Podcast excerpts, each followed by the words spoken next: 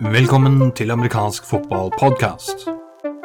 I dagens sending skal vi snakke med Uno Brevik Olsen fra Olavsmenn, Harald Kruhaug fra Kolbotn Hunters og Patrick Hamnøy fra Lillestrøm Starfighters. Mitt navn er Jarl Magnus Henriksen. Du hører på amerikansk fotballpodkast.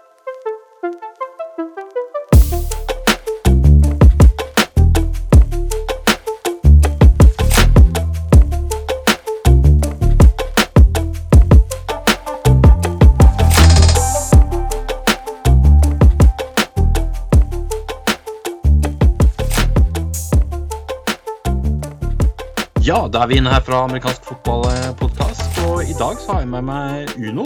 Velkommen til deg. Takk, takk. Nå sier jeg Uno, det vet jo alle hvem er. Men eh, sånn er det ikke for alle. Og kanskje er det noen som hører denne her om 16 år, for den saks skyld. Det vet vi ikke. Kan ikke du fortelle litt eh, ditt fulle navn, hvem du er, hvilken klubbtilhørighet du har, litt om din historie gjennom fotballen før vi begynner på det vi skal snakke mest om? Ja, jeg heter Uno Brevik Olsen. Er nå i Olavsmenn som headcoach. Har vært i Olavsmenn i seks eller syv år nå som DC. Fortid, ja. Da må vi begynne å gå langt tilbake. Begynte vel i oi, oi, oi, oi 97-98 for Kolbotn Kodiaks. Og har vel, bortsett fra militærtiden, vært på en aktiv roster siden. I et eller annet lag. Det begynner jo å bli noen år, så da kan du feire sånn 25-årsjubileum eller et eller annet sånt. Eh, Det er ganske imponerende som spiller. Hvor gammel var du når du begynte?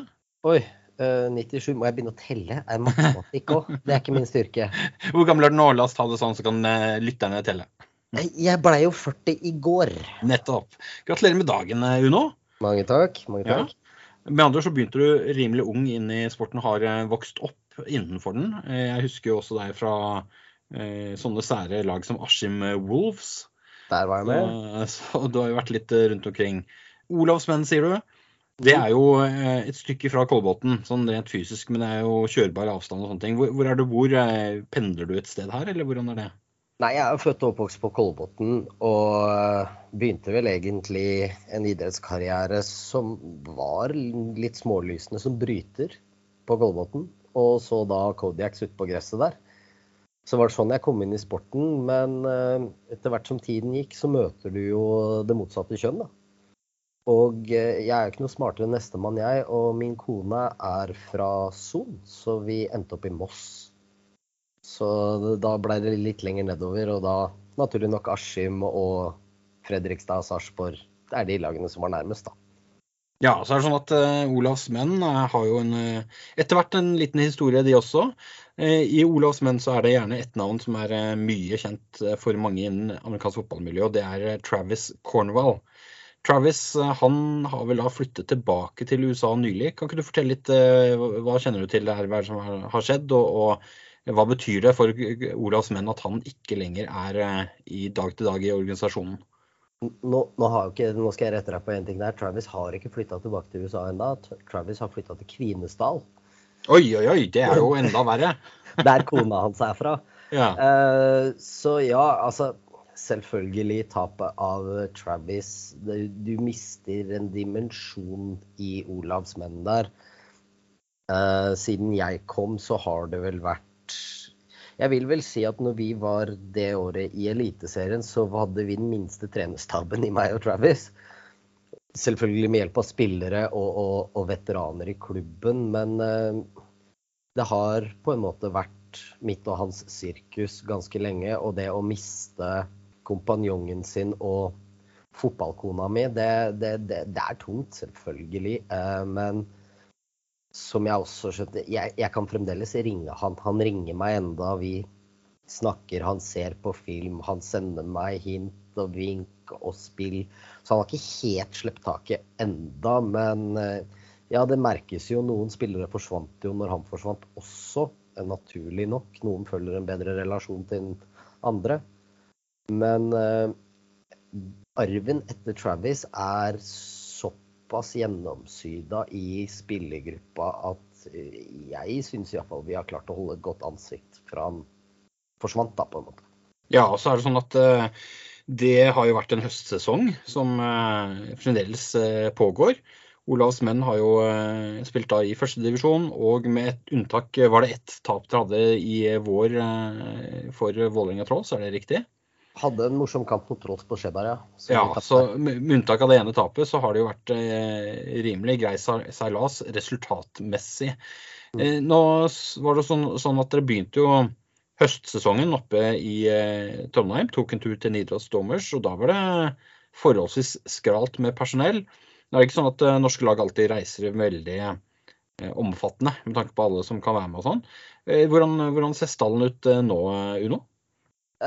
Til Trondheim så hadde jeg vel 18 spillere, men igjen så er jeg jo bortskjømt med spillergruppe som jeg sa for moro skyld i Trondheim at vi har mer erfaring i vår O-line enn dem har i hele laget sitt. Til kampen, returkampen mot Nidaros som nå går på lørdag 12.30, så har jeg vel 24-25 mann spilleklare. Ja, det er en habil eh, stall til å være norsk eh, førstedivisjon. Eh, hva er ambisjonene for laget? Hva, hva, tenker du det er? Altså, er det Eliteserien over tid? Er det neste år? Er det førstedivisjon som er greia? Hvor vil Olavs menn? Olavs menn så hadde jeg og Travis en Vi hadde en femårsplan hvor vi skulle etablere et godt lag som var kjent i landet og respektert i landet, ikke minst. Eh, og, og, og, komme opp og være et lag å regne med. Og det klarte vi jo med å komme opp til Eliteserien. Eh, spille de playoff-kampene fra DN-sesongen mot uh, Eidsvoll og hva skal jeg si, imponere litt der. På sikt så er ønsket til Olavs menn nå første trinn å få bygd på plass en juniordel, samtidig som vi bygger videre på seniorlaget. Så jeg tror eliteseriesatsing er vel ikke det første på tapeten nå, for å være helt ærlig. Det er organisasjon først, og så vil vi jo være best mulig på seniorside, så langt det lar seg gjøre. Ja, og dere har også hatt en del eh, gode spillere opp igjennom. Eh, du, du nevner dette med å være respektert i eh, landet. Når jeg tenker på Olavsmenn, så tenker jeg gjerne på et fysisk markant lag. Løpespill som er hardt, og med forskjellige varianter som gjør at man ikke alltid vet hvor ballbæreren er. Også en annen pasning som plutselig sitter. Hvordan vil du selv beskrive det angrepslaget du har, det forsvarslaget du har? Vi er et typisk løpelag. Altså, vår, vår offense er jo som kjent for landet wing-T, og wing-T er et veldig run-heavy offense. Uh, vi har kapasiteten til å gå ut til en spread-formasjon nå, men vi er såpass trygg i vårt wing-T at uh, vi velger å gjøre det. Og når du kan spille wing-T i den hastigheten som vi har klart å innarbeide, så er det iallfall for meg som en defensivt hode innenfor fotball, så er det, det, det er utrolig vanskelig å forsvare seg mot. For det er, som du sier, mye bevegelige deler. Eh, du vet aldri helt hvor ballen er. Vi hadde jo en sekvens i Gjøvik for et par år siden hvor vi faktisk feka ut dommerne også. Dommerne blåste ballen nede når spilleren med ballen sto i endesonen og venta på fløyta.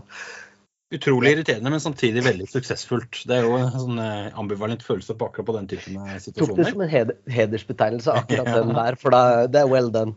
Og Du nevnte også innledningsvis når vi snakket litt om uh, Travis her, at, at du har vært med lenge du også, i, også i dette laget. At det er en slags gradvis overgang.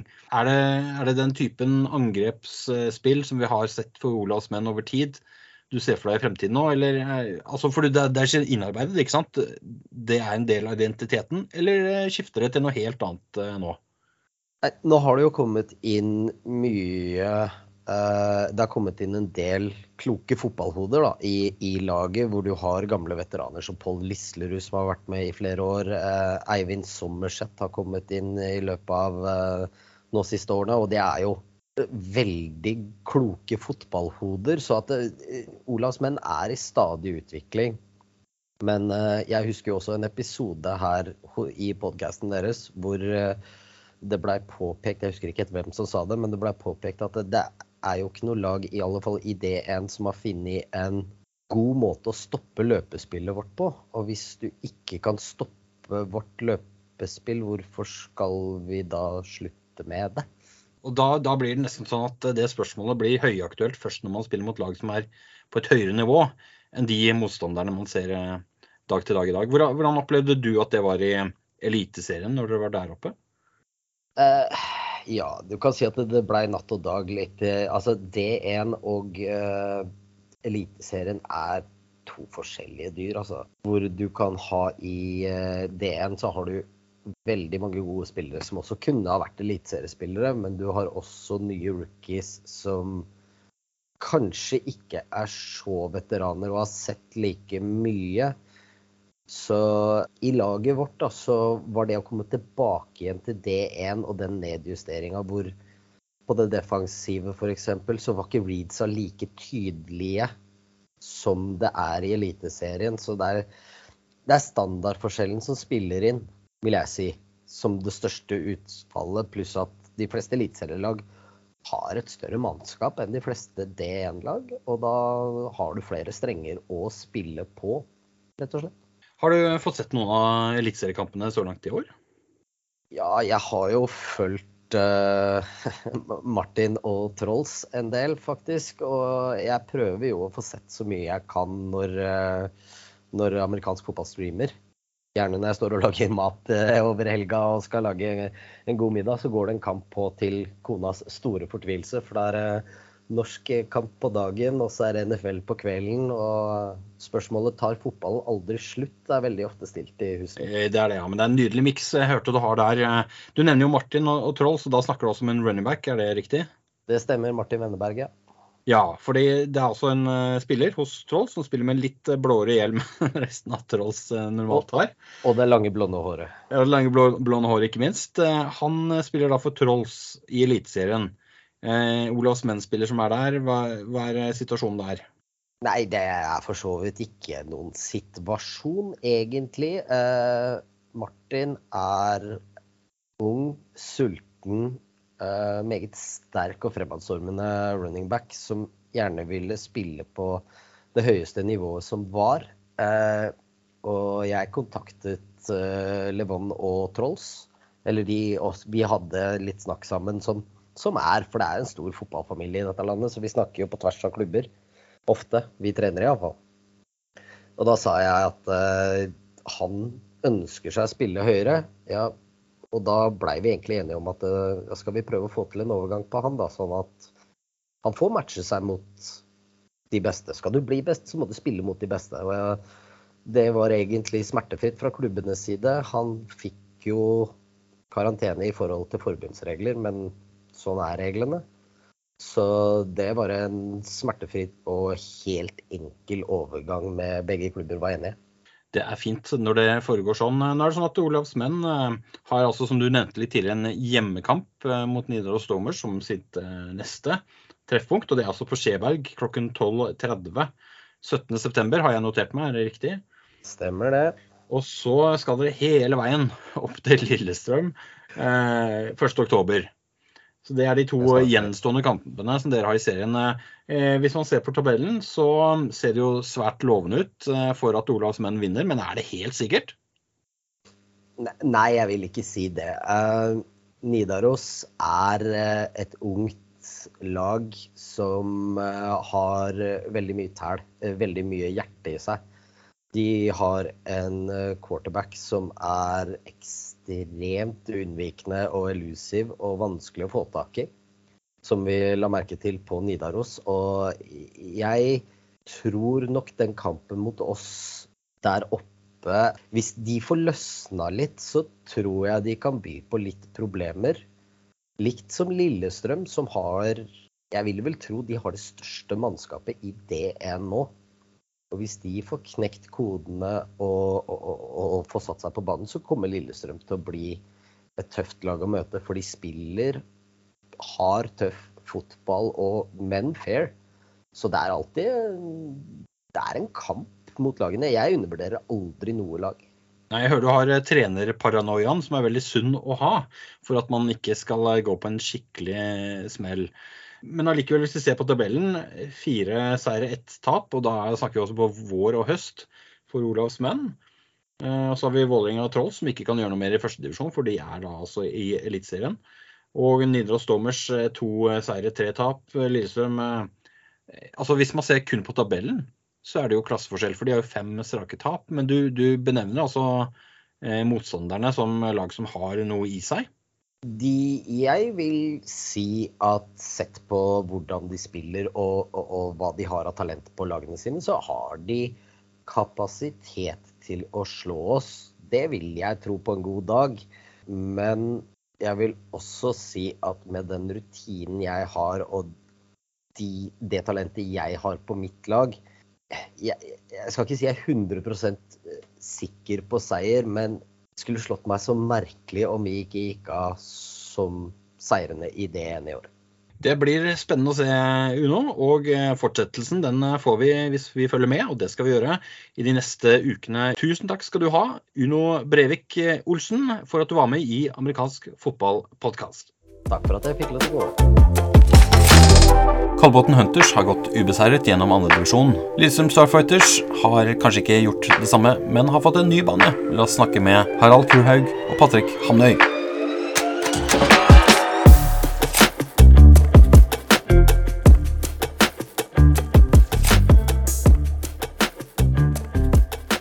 Jeg sitter her sammen med Harald Kruhaug fra eh, Kolbotn, og ikke KDX, men Hunters. Og eh, Patrick Hamnøy fra Lillestrøm, eh, ikke It Niners, men eh, Starfighters. Velkommen tilbake til dere. Dere har vært med litt før òg. Patrick, jeg vet ikke om du kan huske sist gang du var med, men det, det er veldig gledelig at, at dere har greid å finne veien tilbake til podkaststudio, eller Skype som det også heter. Ja, det, det er det. Jeg tror det var siste episode under, etter covid en gang, så det må ha vært et år siden i hvert fall, tenker jeg. Eh, Harald, eh, når vi snakker om, eh, om Kolbotn, så er jo det et lag som du har et langt og lidenskapelig forhold til. Eh, ta oss helt tilbake til starten her, for det, du var jo starten. Ja, det stemmer det. Eh, det var jeg og noen venner av meg som begynte med amerikansk fotball tilbake på ungdomsskolen. Spilte da for Oslo Vikings, fordi det var nærmest. Men eh, det var ikke så gøy å pendle til Oslo for hver eneste trening. Og så klarte man liksom å dra sammen en gjeng nok til at man fikk et eget lag på Kolbotn. Det var liksom der det starta, og så utvikla det seg bare derfra, da. Ja, og det var juniorvirksomhet. Nå er det jo eh, sånn at eh, juniorvirksomhet i Norge det er forholdsvis eh, begrenset om dagen. Og det er vel senior som har vært fokuset hos dere, hvis vi ser på serieoppsett og sånne ting i år. Er det det du har fokusert på også, eller hva er din rolle oppi dette? Da må jeg bare skyte inn at senior er relativt, altså, for den gjengen var pokkeren ikke gammel ja, jeg, jeg, vi snakker om serien, ikke om, eh, ikke om at de har sneket inn alle 15-åringene. For for å ta den kjappe historien der, så var jo det, det første prosjektet til Gåbotn, det var jo som sagt når jeg var tilbake på ungdomsskolen og vi spilte junior. Eh, og så utvikla jeg til et senioraktivitet etter det. Og så prøvde vi å starte opp juniorvirksomhet, og det var ikke sånn kjempevellykka tilbake i 2014-2015 eller noe sånt. Men uh, han ene han ene spilleren som, eh, som, var med tilbake på den tiden, han klarte i, eh, under koronapandemien å overtale hele russebussen sin om at amerikansk fotball var kult, og at man derfor skulle starte med det. Og Det var egentlig det som var grunnlaget til hele seniorlaget til Kolbotn i år. Så det var jo Alle de var russ i, eh, i mai og spilte sesongen rett etterpå. Så det er stort sett folk som har drevet med fotball i mellom 12 og 18 måneder. Med unntak av en eh, fire-fem stykker av de eh, gamle veteranene. Da, som var igjen fra Det er for så vidt en god prioritering av den gjengen, men betyr at det også er sårbart her for eh, at de skal ut i militærtjeneste eller flytte til Trondheim for å studere eller et eller annet sånt? Altså, Den sesongen som Kolbotn har hatt i år, har jo vært over all forventning. Det er jo, Vi har ikke sluppet inn et poeng og vunnet alle kamper vi har spilt. Eh, men om det skjer igjen til neste år, det kan jeg med en gang si at det, det gjør det ikke. Det blir, det blir et one hit wonder, eh, det der eh, prosjektet her. For vi har allerede fått fra de aller aller fleste at de kommer ikke til å spille igjen til neste år. Det er førstegangstjeneste, det er studier andre steder i Norge. Det er, ja, Og så veit jeg ikke om interessen er der heller. Og når du har en gjeng på en gjeng sånn som det har vært i år, da, så er det liksom det, er det at de har vært en gjeng, er det som har gjort de sterke. Og når de blir splitta opp, så, så virka det ikke som det var noen interesse for de få som var igjen her, og skulle fortsette. Nei, og da blir det jo et uh, godt minne for den gjengen i hvert fall. Men uh, one hit wonder, la oss uh, snakke litt om det. Fordi Kolbotn Hunters har da spilt i andredivisjon, gått ubeseiret eh, og uskåret på gjennom sesongen. Men eh, hvilken sesong? Altså masse seire, men halvparten av de uten Ja. å engang være på banen. Hvordan er den opplevelsen? Hva, hva tenker du om det? Så det er, for det første, altså Min første tanke rundt det er jo at det er så utrolig synd for den gjengen da, som, har, eh, som begynte under korona å trene og på en måte jobbet framover. I utgangspunktet var jo planen å stille i U19, men der var det jo ikke engang en serie. Så da klarte vi å overtale de til at de skulle melde seg på i seniorserien eh, og si at det er ikke noe problem, det kommer dere til å klare helt fint i andre divisjon. Eh, der hadde jo jeg og Pontus, da, som, som var det jeg mente med vi, Pontus er jo da hovedtrener, at han, han hadde troa. Jeg hadde troa, så vi sa dette kjører vi på. Det gjorde vi. Eh, Men så endte det jo da med tre av seks kamper ble, ble på walkover, seier. Og egentlig så kan du si fire av seks, for vi skulle jo også spille serieåpning på bortebane mot Haugesund Hurricanes, men de trakk seg jo da før sesongstart. Eh, Så det var jo enda en kamp da som ble, som ble avlyst. Ja, og det er ikke noe kjekk situasjon å være i, men eh, er det allikevel sånn at uh, den gjengen har fått eh, et godt utbytte av, eh, av denne amerikanske fotballopplevelsen? Altså Det vil jeg absolutt tro. Det har vært veldig god stemning innad i laget, og, og de kampene som har vært, har jo gått over all forventning. Men det er jo på en måte, det er ikke en god reklame for idretten i Norge at, at man jobber hardt og får spille tre kamper i løpet av et helt år. Nå hadde vi jo riktignok Vi var jo litt aktive før sesongen også og fikk til noen felles treninger med, med andre klubber. da, Mot eh, Nanset Bulldogs og mot eh, Grenland Giants. Eh, Sånn at de fikk jo prøve seg litt mot andre også før eh, selve serien starta. Men eh, når man har en, en serie og man har et forbund, så er det synd at man på en måte må lage sitt eget eh, kampoppsett. da. Ja, og Lillestrøm Starfighters, Patrick, har vel også spilt en god del kamper, men har ikke eh, møtt på dette walkover-spøkelset trampende ned døra, selv om eh, siste resultat kunne se sånn ut. Nei, og ikke er vi verken ubeseiret eller ikke poeng scoret på på noe som helst vis. Vår opplevelse har jo vært eh, diametralt motsatt av Hunters, tror jeg.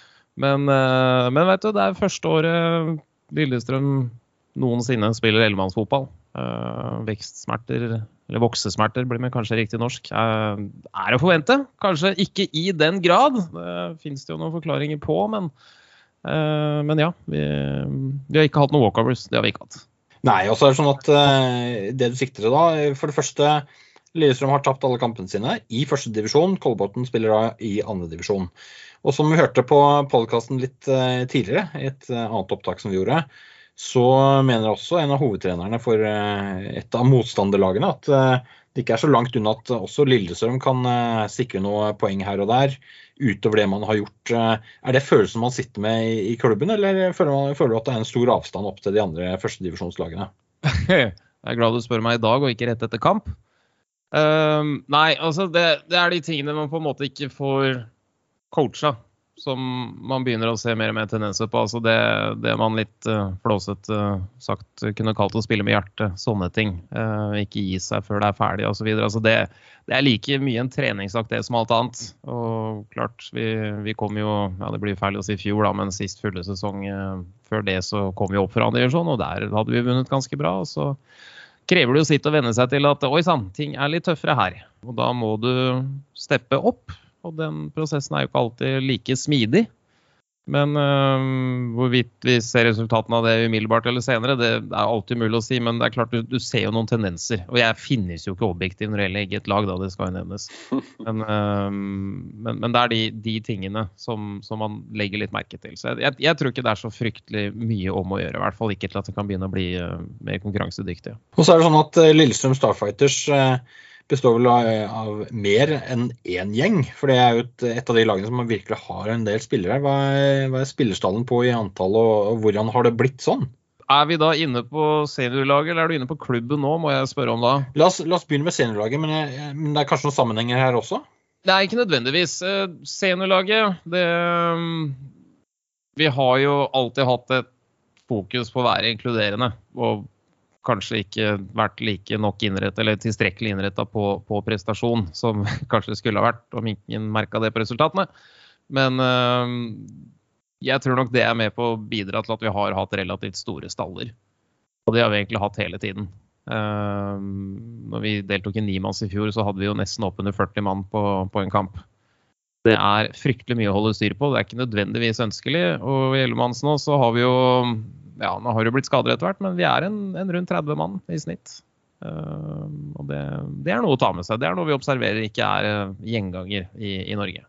Nei, det er nok mange som er misunnelige på den delen. Uh, nå nevner du at eh, dere er inkluderende. og Harald, Dere har gjort en farmeravtale, Kolbotn Hunters og Lillestrøm Starfighters. Er det pga. at lagene er inkluderende, eller hva er, bakgrunnen for det? Altså, den avtalen har vi hatt egentlig i mange år, både på junior- og seniorfotball. Det er nok en blanding av at uh, geografisk sett så er det et, en, et godt samarbeid, og så er det en, at personene som Eh, som driver Lillestrøm, og personene som driver Kolbotn, har stort sett alltid gått uh, overens. Uh, og Det er på en måte egentlig det viktigste når man har et sånt samarbeid. Det er litt at man, man har den tilliten til hverandre, at man ikke stjeler hverandres spillere. og At man kan ha en åpen diskusjon om, om sånne ting og, og, hvordan man skal gjøre det. da, Både sportslig og det utenom. Her nevner jo Harald noe interessant, eh, Patrick. For eh, farmeravtaler har jo av og til en tendens til at eh, altså, hvor ender spillerne opp over tid? Er det, er, det en, er det, noe som sitter langt inne å gjøre den typen avtaler, opplever du? Ikke nå lenger. Uh, og det er nettopp fordi både Kolbotn og Lillestrøm har jo hatt samme opplevelsen opp gjennom årene. Uh, med det å ha uh, avtaler som på sikt ikke nødvendigvis slår positivt ut. Vi har jo selv vært farmelag til en annen klubb. Og det er ikke det at man mister så enormt mange spillere, men det kan holde med den ene gode som du kan bygge rundt, eh, som ender opp med å forsvinne. Og det kan være tilstrekkelig for å sette deg tilbake et år, det altså. Så vi har nok nøyaktig de samme perspektivene der. Eh, men som, som, Harald også sier, altså relasjoner, tillit, er vel egentlig det grunnleggende som, som går igjen der. Eh, og at vi også liker samme type fotball. Det hjelper jo det òg. Eh, det vil si eh, fotball som skårer mye i andredivisjon, ikke nei, i førstedivisjon? Nei, nei, nei, nei. ikke løpe med ballen og hoppe på det beste. Eh, en ting som har vært kjekt å observere i år, er jo at Lillestrøm Starfighters har fått seg en ny hjemmebane. Flott kunstgress, merking, alt mulig. Jeg, vet ikke om det er VIP lounges, jeg har ikke vært så mye inn på det. Men det er, jo, det er jo mer enn man har hatt uh, i mange situasjoner for amerikansk fotballag i Norge. Hva, hva, skjedde? Altså, Hvordan kom man til den situasjonen, Patrick? Det er en lang prosess. Uh, må jeg bare tillate meg å skyte inn at nå er jo flere, flere, baner som er på plass nå, da, med Frogner som er ferdig rehabilitert og Jordal som er rett rundt hjørnet og sånne ting. Så det begynner å hjelpe på. Eh, for amerikansk fotball i, i, Norge generelt. Men uh, for vår del så er det resultatet av en prosess som nærmer seg snart seks år. Um, jeg vet ikke om du har lyst til at jeg skal ta hele historikken, eller om det kan ta en liten stund? Ikke, ikke, ikke sånn time for time i løpet av seks år, men gjerne en sånn komprimert versjon. For det, dette er jo en interessant situasjon. Hvordan man får det til, og det er kanskje noe som andre lag også, eller klubber, er interessert i å få til, eh, hvis de ikke allerede har det. Og eh, som du eh, vet, Patrick, for du har vært med mer enn to år, så er det jo ikke sånn at man for 20-25 år siden hadde en haug med amerikanske fotballbaner, merket og alt sånne ting. Så det er en utvikling her. Hvordan, hvordan har de seks årene Altså, hvor begynner du da? Altså, Vi kan begynne med Jeg tror de fleste involverte i amerikansk fotball vet hvor vi har holdt til frem til uh, sommerferien som var nå. Det er på Vigernesjord i Lillestrøm, som er en uh, Som mange andre amerikanske fotballballer har vært opp gjennom årene. Et uh, jorde som fotballagene ikke gadd å bruke selv. Og derfor ble den frigitt for utøvelse av vår idrett. Eh, håndmerket og flyttet konteiner i nærheten for å kunne ha ting tilgjengelig. Og toalettet er tre kilometer unna. Det er også garderobene for vår del så var jo ikke det noe dårlig sted å være. Problemet var at det var eh, noen hva skal vi si, forhold i underlaget der som gjorde det ganske lite forutsigbart. Hvis det regna på dagtid, så fikk vi beskjed om å trene et annet sted på kveldstid. Sånne ting. Og det er jo litt vanskelig å drive klubb når man holder på sånn. Så for vår del så var det at vi fikk inn Eller vi hadde ei som satt i kontrollutvalget på den tiden, som er nestleder i klubben, som heter Kjersti Sørensen. Som er uh, mamma til en som nå spiller senior som fikk dette her inn som helt siste punktet i, langsiktig plan, kommunedelplan for den gang Skedsmo kommune, da, under uprioriterte anlegg. Der sto vi liksom helt nederst, bane for amerikansk fotball. Så det var sånn den kom inn desember 2016, og da var med inn og skulle da bli vedtatt i, eh, for kommunedelplanen, som begynte i 2017. Og Gjennom 2017 så ble det jo flere baner som ble vurdert litt her og der rundt omkring i kommunen, uten at man egentlig landa på noe, noe, konkret. Og så etter det så kom jo regjeringen og skulle begynne å slå sammen kommuner, og da brukte vi det som påskudd for å be om et nytt møte med kommunen da, i 2018 for å høre litt om ok, hvordan, stiller, uh, hvordan påvirker dette oss. Og så begynte ballen så smått å rulle der. Og så har det egentlig vært fryktelig mye møter med kommuneadministrasjon, liksom for å legge frem hva det er vi trenger, hva det er vi er i behov av. Eh, derfra så begynner det å konkretisere seg til at dette skal legges inn i budsjetter som skal vedtas. Og det som var en tilleggsutfordring for vår del, var jo det at uh, dette her ble jo da vedtatt i 20 husker ikke om det var 18 eller 19, jeg lurer på om det var 19, så ble budsjettet vedtatt. Men samtidig, da Lillestrøm kommune ble ny 1.1.2020, så fikk jo også Miljøpartiet De Grønne makta. Og det aller, aller, aller første punktet de tok for seg i ny kommune, var nå forbyr vi gummigranulat. Og for de som ikke vet hva gummigranulat er, så er det de små svarte kulene som er i kunstgresset. Og der ble jo hele prosessen eh, stoppet allerede på høsten 2019. Og så brukte de tre-fire måneder på å lande på at vi skulle bygge kunstgress, men at det skulle komme nye typer innfyll. Kjempefint. Da begynner vi på nytt igjen da, i januar 2020 og skal da skrive dette grunnlaget som de skal sende ut til forskjellige leverandører, sånn at de kan konkurrere om best mulig pris osv. Og, så og i mars 2020 så fikk vi en sånn aldri liten pandemi på besøk. Og da stoppet absolutt alt. For denne banen skulle være klar i sommeren 2020. Og så hørte vi ikke så veldig mye, så plukket prosessen seg opp igjen da høsten 2020. Og det ble nye møter, og vi skulle bli enige med tre andre klubber, som, for det var en sånn totalentreprise av fire kunstgressbaner som skulle rehabiliteres. Og så ble det plutselig veldig stille igjen. og så har det visstnok vært at en ansatt i kommunen har da kommunisert litt mer med en av de potensielle leverandørene enn de andre, så da ble han fjerna, og så måtte hele prosessen starte på nytt igjen. Så etter fryktelig mye om og men, så står vi nå da her i uh, september 2022 med ny bane når den først ble vedtatt i desember 2016. Så hele trikset er å ha en mor i en kontrollkomité som også er aktiv i lokalpolitikken. Kontakter med andre ord, men ikke sånn tett at man blir fjernet fra prosesser, tydeligvis. Det er korrekt. Men Er det undervarme på denne nye banen, eller? Ikke noe undervarme i det hele tatt, så vi er veldig spente på vinteren. Og det, dette anlegget heter altså da Stentero, er det det? Det er korrekt. Hvor, hvor, eh, for oss som ikke er fryktelig lokalkjent i Lillestrøm, eh, ligger den midt i sentrum, eller er det langt ut på land? Ja, har du kjørt fra Oslo til Gardermoen noen gang, så vil du, når du kjører forbi, eller gjennom Lillestrøm kommune, så vil du komme til et sted hvor du har en eh, jeg tror, noen bensinstasjoner på hver side av veien. Og da skal du ta til høyre. det er på en måte der du er. Nei, det ligger eh, litt utenfor, men det er egentlig litt bevisst også. Fordi uh, det er uh, veldig tilgjengelig med offentlig kommunikasjon. Det ligger rett ved E6. Uh, og det er mye god offentlig kommunikasjon dit også. Så spesielt vi som da er et det de kaller et regionalt tilbud. Altså Det er ikke utelukkende kommunalt, dette her, men det er for hele regionen Nedre Romerike, som er da området fra Lørenskog til Ullensaker. Eh, så er det nedslagsfelt på ca. 200 000 mennesker. Som kommer seg til banen i løpet av en halvtime, tre kvarter ved hjelp av offentlig kommunikasjon. Stort sett. Veldig bra.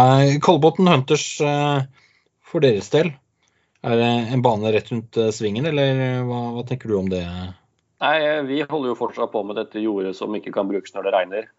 Det som Lillestrøm som kjent kjenner godt til, da, og som mange andre klubber i Norge kjenner godt til. og det har vært noe snakk her og der, men altså den kommunen vi holder til i, er jo notorisk for underdekning på kunstgressbaner. Eh, sånn at eh, å prøve å kjempe seg inn med noe som helst som skal være vårt, det, det har kanskje vært forsøkt litt oppover, men det er ikke noe aktiv prosess på det nå. Eh, vi er jo på et sted hvor vi ikke engang har en kunstgressbane å trene på på vinteren. Sånn at det å ha vår egen bane, det tror jeg ligger uendelig langt frem i tid. Ja, med mindre, da. For Kolbotn er jo litt sør for Oslo, jeg har lagt merke til. Så det er kanskje litt billigere boligpriser. Og eh, nå forsvinner jo den gjengen din, men det er klart hvis du eh, skal starte med seksmannsfotball, kan du kanskje kjøpe et, et, hus med en veldig stor hage. Gud, jeg orker ikke den seksmannsdiskusjonen nå, kjenner jeg. Du skulle kanskje tro at boligprisene var bedre enn i Oslo. Det er, de er kanskje det så vidt, men det er, ikke, det er ikke langt unna, dessverre. Så de hagene de går nok fort for langt mer enn det vi har penger til. Da må du nok ta hagen til borettslaget til Morten, tenker jeg, hvis du kommer inn porten. Men, men eh, det, det som er, ligger litt i spørsmålet her, er jo knytta til eh, når denne gjengen forsvinner. Er det, er det et tilbud fortsatt i Kolbotn, eller er det sånn at man slenger seg med i farmeravtalen med Lillestrøm, og så er det der spillerne har et sportslig tilbud? Akkurat sånn som det er nå, så jeg, kan jeg ikke svare på det spørsmålet. Vi er nødt til å Lillestrøm ta litt sistnevnte forslag, forresten. Vi er nødt til å ta noen vurderinger rundt hva vi egentlig skal gjøre fremover, og hva slags tilbud vi skal, eh, vi skal fortsette med. Eh, Vi har jo startet opp et nytt tilbud eh, i form av flaggfotball for de aller yngste. Eh, Det tror jeg vi er 10-13 år, som er aldersgruppen de sikter mot der. Eh, Så det er jo noe vi har planer om å utvikle videre. Og så av de seniorene som er igjen, så gjenstår det nok å se. Men at vi skal stille et nimannslag til seriespill neste år, det ser jeg som høyst usannsynlig. Eh, Så er det jo da eventuelt hvis vi klarer å få inn noe seksmannsfotball inn i bildet, og så vil det nok tilbudet om å spille kamper for Lillestrøm vil jo være til stede uansett. Ja, så hvis, jeg er eh, frisk og i god form og befinner meg på forbundskontoret så, og skal sette opp et eh, serieoppsett til neste år og ringer Kolbotn Hunters, så er svaret at eh, nei, vi vil ikke rykke opp fra andredivisjon til førstedivisjon. For vi er sannsynligvis ikke å finne i eh, oppsettet. Er det litt greia? Ja, det, det vil jeg si, ja. Eh, Jeg, altså jeg forstår jo at folk forventer at etter den sesongen vi har hatt, så skal vi spille førstedivisjon neste år. Eh, Det hadde jo jeg også forventa hvis vi hadde hatt det samme laget neste år, men det har vi jo ikke.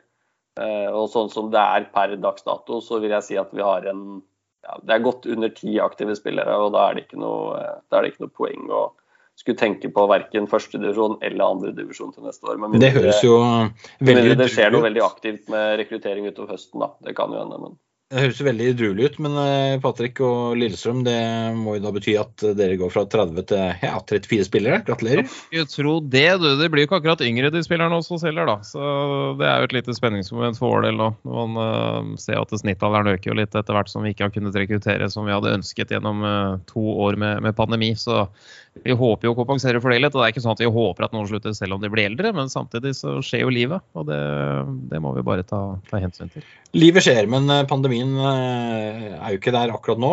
Dere kan jo rekruttere på det steinharde kunstgresset deres i løpet av vinteren. Er ikke det planen? Vi foretrekker å presentere oss eh, med best, fulle, best mulig forutsetninger hvis vi først skal prøve å få folk på trening og ikke i minusgrader og is. Jelle Magnus. Jeg vet at det er et ukjent begrep for dere i Stavanger-området, men her fryser det faktisk til. Ja, her er det det som fryser. Det kommer horisontalt sidelengs eh, i lufta. eh, i tilfelle. Men, eh, men førstedivisjon har jo vært saken for dere i år. Nå snakker vi senior, selvfølgelig. Litt avhengig av serieoppsett, for sånne ting har også en tendens til å endre seg fra år til år. Men er, er førstedivisjon som kanskje ligger i kortene også neste år, eller hva tenker du om det på et så tidlig stadie? Det, er avhengig av eh, hvor mange spillere vi har. Det er det korte svaret. Eh, kan jeg spille Nå snakker jeg for meg da som sportslig leder, det er ikke kun min avgjørelse. Men ellevemanns er vesentlig morsommere å drive med enn nimanns. La oss ta en kjapp tur innom det før vi eventuelt eh, ser hvor veien går videre. Ellevemanns er mye kjekkere enn nimanns. Det var det du sa? Det er eh, vesentlig morsommere enn nimanns, spesielt når man eh, håndterer defense, så syns jeg det. Så, eh, og hva tenker du hva er forskjellen som, som for deg personlig, og kanskje noen rundt deg også selvfølgelig, gjør det mye kjekkere? Eh, defensivt at jeg kan ha to mann til til å dekke akkurat like stor bane. Eh, det skal jo da i prinsippet være fordel defense, akkurat det. Tilsvarende ulempe når du er færre. Men eh, nei, jeg vet ikke. Det er bare noe med de taktiske elementene som, som utvides i forhold til nimanns. For nimanns isolert sett kan gjøres eh, i anførselstegn relativt enkelt. Altså får du ballen på utsida, så er på en måte det meste greit. Hvis han som bærer ballen er kjapp. Eh, det må litt mer til på, på Ellemann. Så det er de taktiske aspektene der som jeg som trener finner mer stimulerende, skal jeg bruke det begrepet. Ehm, og, morsommere å drive med, rett og slett. Det er ikke det at nimanns ikke er gøy, men ellemanns er gøyere. Ja, det er jo en ærlig sak. Harald, ellemanns Ellevemanns eh, versus nimanns versus seksmanns? Altså, jeg, jeg, er sikkert litt sånn uvanlig i min mening om at uh, fotball er fotball. Så for min del, om det er seks eller sju eller åtte eller ni eller ti eller elleve på banen, det er liksom ikke det viktigste, da. Det viktigste for meg er at det er et tilbud og at det er en aktivitet, og at det er flest mulig som får muligheten til å spille kamper. Uh, og Det er jo derfor jeg alltid har vært en tilhenger av seksmannsfotball. fordi jeg ser at sånn som det er i Norge, så Altså er, du må ha et ordentlig svært sted for å få til et ellevemannslag. Altså, når ikke engang Bergen by klarer å få det til, eh, så er det liksom Da må vi prøve noe nytt, da. Og seksmannsfotball er er et tilbud som, eh, som, allerede eksisterer. Det spilles i USA på små steder. Eh, som er på en måte akkurat det vi trenger her. Og da jeg syns det er synd at man aldri har fått en ordentlig satsing og fått et ordentlig forsøk på det. For jeg tror at det vil være positivt for idretten på lang sikt. da.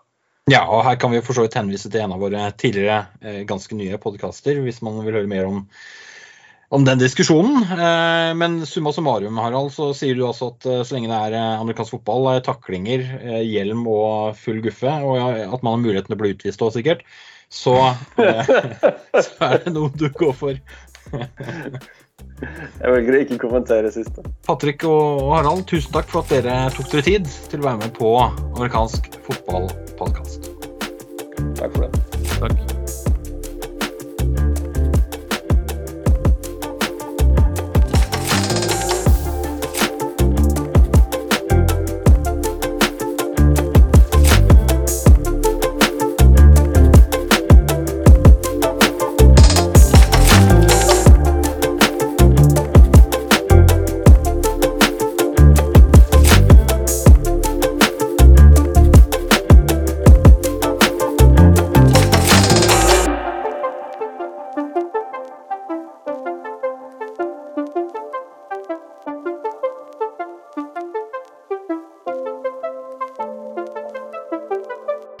Known to be a humble man, but I wonder. I think I am actually humble. I think I'm much more humble than you would understand.